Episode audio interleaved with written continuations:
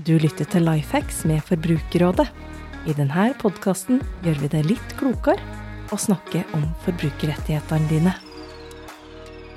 Er det lurt å planlegge og betale for reisen lenge i forveien? Og hva slags rettigheter har jeg om jeg blir stående igjen på flyplassen fordi mellomlandingen er for kort til at jeg kommer med flyet videre?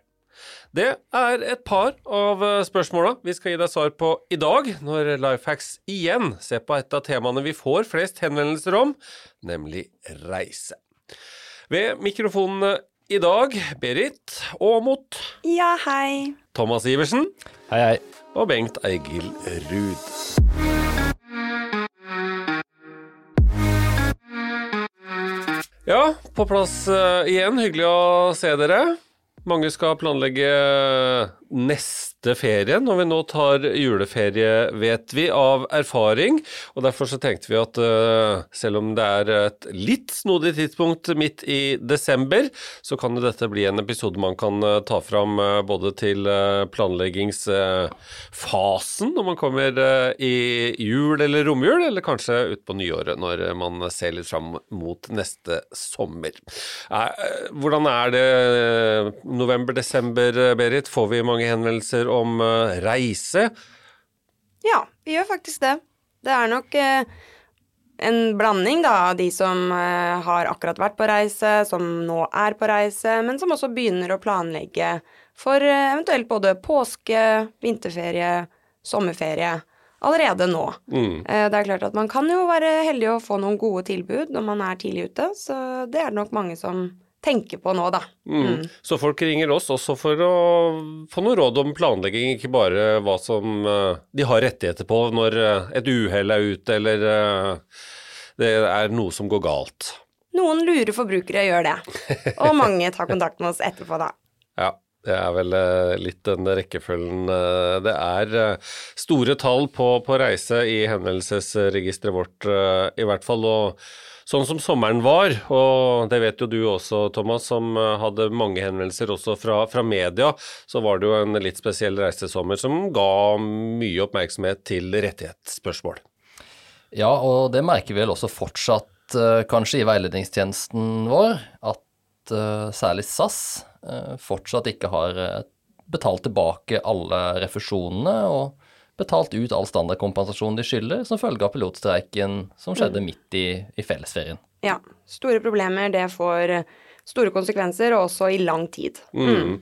Og mange har venta på til dels mye penger, men eh, alle har krav på disse pengene som Eller alle som har rettmessige krav, skal få pengene sine.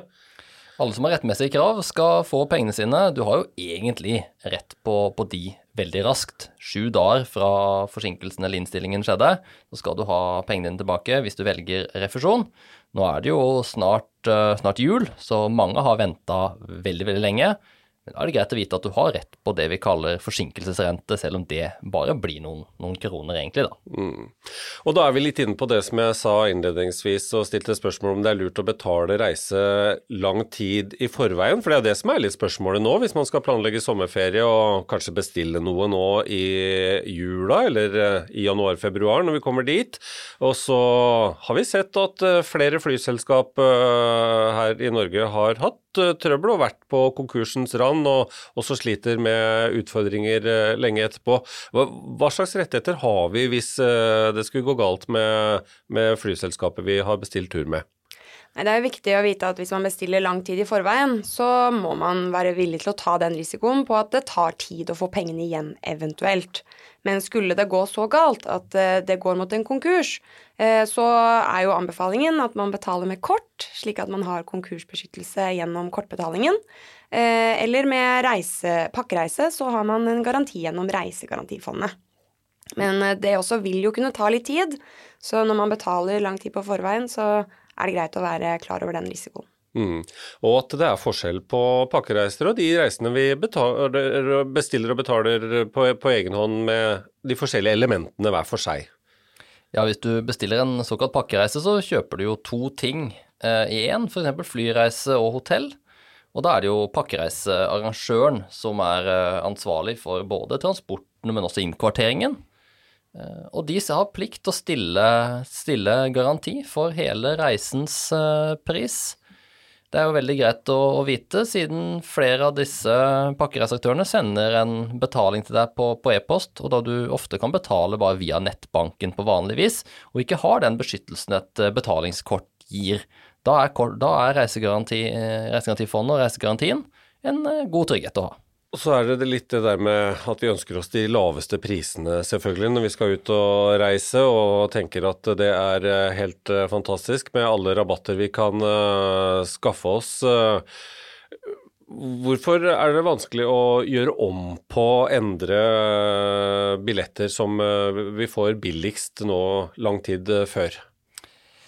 Når du skal velge en flybillett, f.eks., så, så er det jo sånn at prisen ofte endrer seg litt gjennom tida.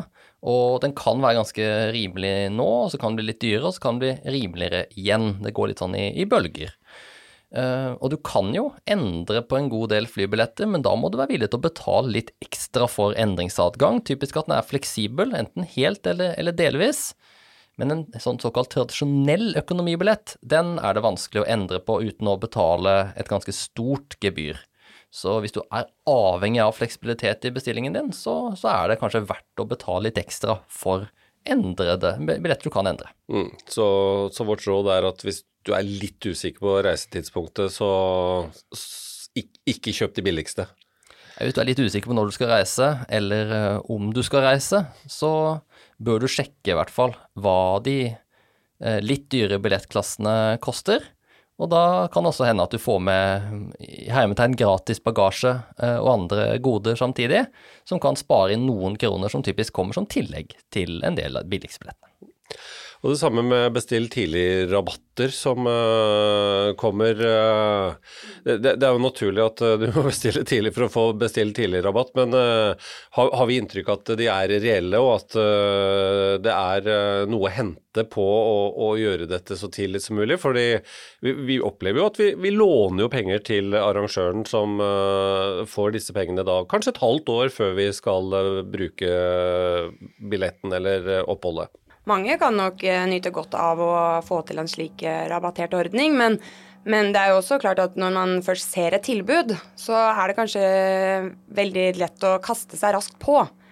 Over til uh, disse bookingportalene som uh, vi stadig snakker om, og som vi ofte får uh, spørsmål om, fordi at det gir utfordringer for de reisende.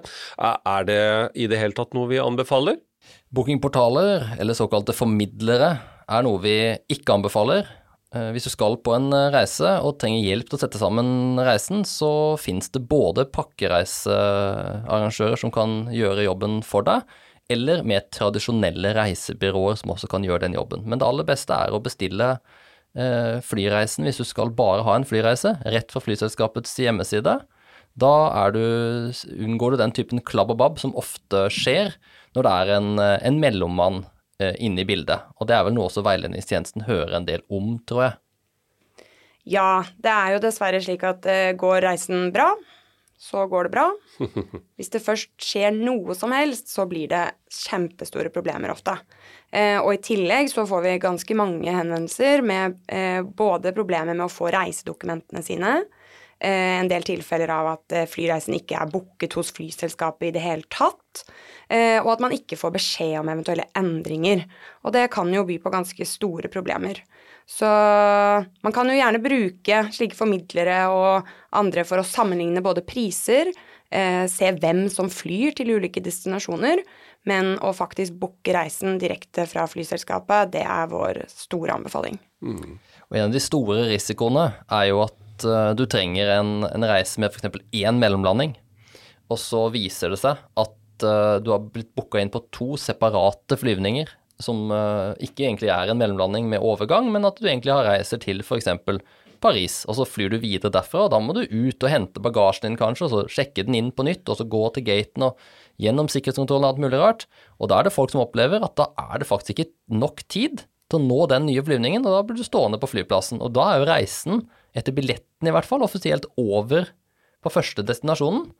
Og så må du stå der og vinke adjø til flyet som, som, er på vei til neste destinasjon. Ja, for det er en av de store forskjellene. Hvis du da har bestilt denne flybilletten direkte av flyselskapet, så, så har du en helt andre rettigheter, er det riktig? Ja, for hvis du bestiller direkte av flyselskapet, så har du eh, så godt som alltid en såkalt gjennomgående reise. Dvs. Si at du booker deg inn fra der du starter til dit du skal, og uavhengig av hvor mange mellomlandinger det er da, så er selskapet ansvarlig for å transportere deg til endedestinasjonen din, uavhengig av hva som skjer. Så det kan skje forsinkelser og kanselleringer og snøstormer hva som helst, men selskapet har plikt til å ordne sånn at du kommer fram så snart som mulig. Gjelder dette også hvis uh, en av flightene endrer tidspunkt? For det opplever vi også at vi ser at flyselskap flyselskapet flytter litt på noen flighter og sånt. Uh, er det det samme da, at hvis du har bestilt gjennom et, en formidler, da, så, så, så er disse flightene helt isolert fra hverandre, sånn at du er helt på en annen måte avhengig av at det, det, passer sånn som det er planlagt? Ja, det er akkurat det du er. Eh, da kan det gjerne også være booket gjennom forskjellige flyselskaper. Og hvis du booker en flyvning fra ett flyselskap, men det er noen andre som flyr, så er det fremdeles flyselskapet ansvarlig da, overfor deg. Mens med en formidler, det kan være to ulike flyselskap, helt separate reiser det ene flyselskapet vet ikke at du skal videre, eller det andre at du kommer. Eh, slik at eh, der får du ingen sammenheng mellom de ulike flightene, da. Skal vi eh, holde oss litt ved det samme, fordi eh, hvis vi ser bort ifra dette med, med, med, mellomlanding og dårlig tid og sånt, eh, vi har vel rettigheter hvis flyselskapene endrer tidspunkt både fram og tilbake for, for, å kunne gjøre egne vurderinger av om vi vil ha den, om vi skal få bli frakta på andre måter, og eventuelt noe avslag i pris og sånt. Er det, er det riktig? Ja, en eh, endring av rutetid er jo ansett som en, eh, egentlig en kansellering og et tilbud om en ny flyvning. Og den nye flyvningen skal jo etter eh, regelverket skje så snart som, som mulig. Og det vil si at den skal, skal passe med, med, reiseplanen så langt det går. Og det er viktig å huske på at selv små endringer kan jo føre til at annen korresponderende transport, f.eks. tog eller buss eller båt på endedestinasjonen din, kan bli problematisk. Og da er det viktig å ta kontakt med flyselskapet veldig kjapt hvis du opplever en sånn endring, og forklare problemet ditt, og se om det er mulig å gjøre noe med, med det. Mm. Og det er også sånn at mange gjør kanskje da endringer lang tid i forveien på de flyvningene som er booket allerede nå da ved nyåret, og så ser man behov for endring eh, i løpet av våren på en reise som går til sommeren. Og da er det viktig at man også da, når man har bestilt lang tid i forveien, følger med på eventuelle endringer som kommer, slik at man ser at man kan om man må gjøre tilpasninger, og eventuelt hvilke tilpasninger som eh, må gjøres. Om det er å bestille en dag til med hotell, eh, eller om det er å endre tiden du skal ta denne båten videre, eller andre ting, så bør man eh, undersøke det tidlig som mulig. Og det kan jo være et, et poeng hvis du skal planlegge god tid, og, og kanskje planlegge å kjøpe ting litt i puljer, og da kanskje kjøpe flyreisen men vente litt med å bestille korresponderende transport, f.eks. tog eller ferje eller buss. Så du har tatt høyde for den risikoen uh, for uttidsendringer allerede når du bestiller. For det er jo ikke alltid sånn at en, en ferje f.eks. på destinasjonen din nødvendigvis har gode avbestillings- eller endringsmuligheter i billetten sin, og da kan du bli sittende med å måtte kjøpe en ny billett, f.eks., og det er jo ikke så veldig gunstig. Jeg gjør i det sjøl når jeg bestiller egne reiser. Da gjør jeg litt sånn i puljer. Jeg tar de viktigste, viktigste tinga først. Et hotell, kanskje med avbookingsmulighet på destinasjonen og en flybillett som gjør at jeg kommer ned, så tar jeg og stabler sammen resten av de tingene jeg må ha, litt nærmere avreisedagen. Da er jeg sikker på at det, det i hvert fall ikke blir veldig mye klabb. Til slutt eh, litt om uh, rettigheter vi har, fordi at vi har rettighetene i seg selv. og hva som forsikringsselskap uh, kan hjelpe oss med. Hva er forskjellen på, på det? Eh, når noen har ansvar for den feilen som skjer, det at du ikke kan reise eller lignende, f.eks. flyselskapet kansellerer eller slikt, da er det flyselskapet eller hotellet eller lignende som er ansvarlig. Hvis ingen andre er ansvarlig, og det er en uh, uforutsett hendelse, du har hatt en ulykke eller lignende, så vil reiseforsikringen kunne dekke det. Det er også enkelte reiseforsikringer som dekker bl.a. kanselleringer eh, eller avbestilling av hotell og slikt, men det må man sjekke i reiseforsikringens vilkår. Og da er det greit å være obs på at en del hendelser som vi har sett de siste årene, bl.a. uh, streik, lockout, konkurser er noe som typisk er unntatt reiseforsikringsdekningen. Så hvis du har et eller annet tap, eller skjer et eller annet uh, som skyldes f.eks. en streik, så er det veldig lite hjelp å få i reiseforsikringen, og du må egentlig henvende deg til flyselskapet f.eks., eller håndtere uh, de utfordringene selv, uh, og heller krangle om pengene etterpå. Og hvis bagasjen ikke kommer, da engasjerer vi da forsikringsselskapet, eller går vi på flyselskapet med en gang? Eh, starter på flyselskapet, gjerne. De skal jo frakte bagasjen din, har jo påtatt seg det ansvaret. Da må man fylle ut en rapport, eh, og så kan man kun gjøre nødvendige innkjøp til å begynne med. Eh, og hvis det faktisk blir borte, så må man jo gjøre noen større innkjøp. Og det resterende som ikke flyselskapet dekker, det kan man ta til reiseforsikringen. Og Den rapporten du skal fylle ut er ganske viktig å gjøre ganske kjapt. Den kan du fylle ut på flyplassen og skal leveres til flyselskapet der. Hvis du er litt treig med å fylle ut den, så kan du risikere å ikke få tilbake noen ting for den bagasjen. Vi hopper ikke over uh, dagens uh, kuriosa i dag heller, uh, Berit. Et lite skråblikk på henvendelser til forbrukerveiledningstjenesten vår her i Forbrukerrådet. Hva har du funnet fram i dag? I dag har vi funnet fram en eh, innringer fra et verksted.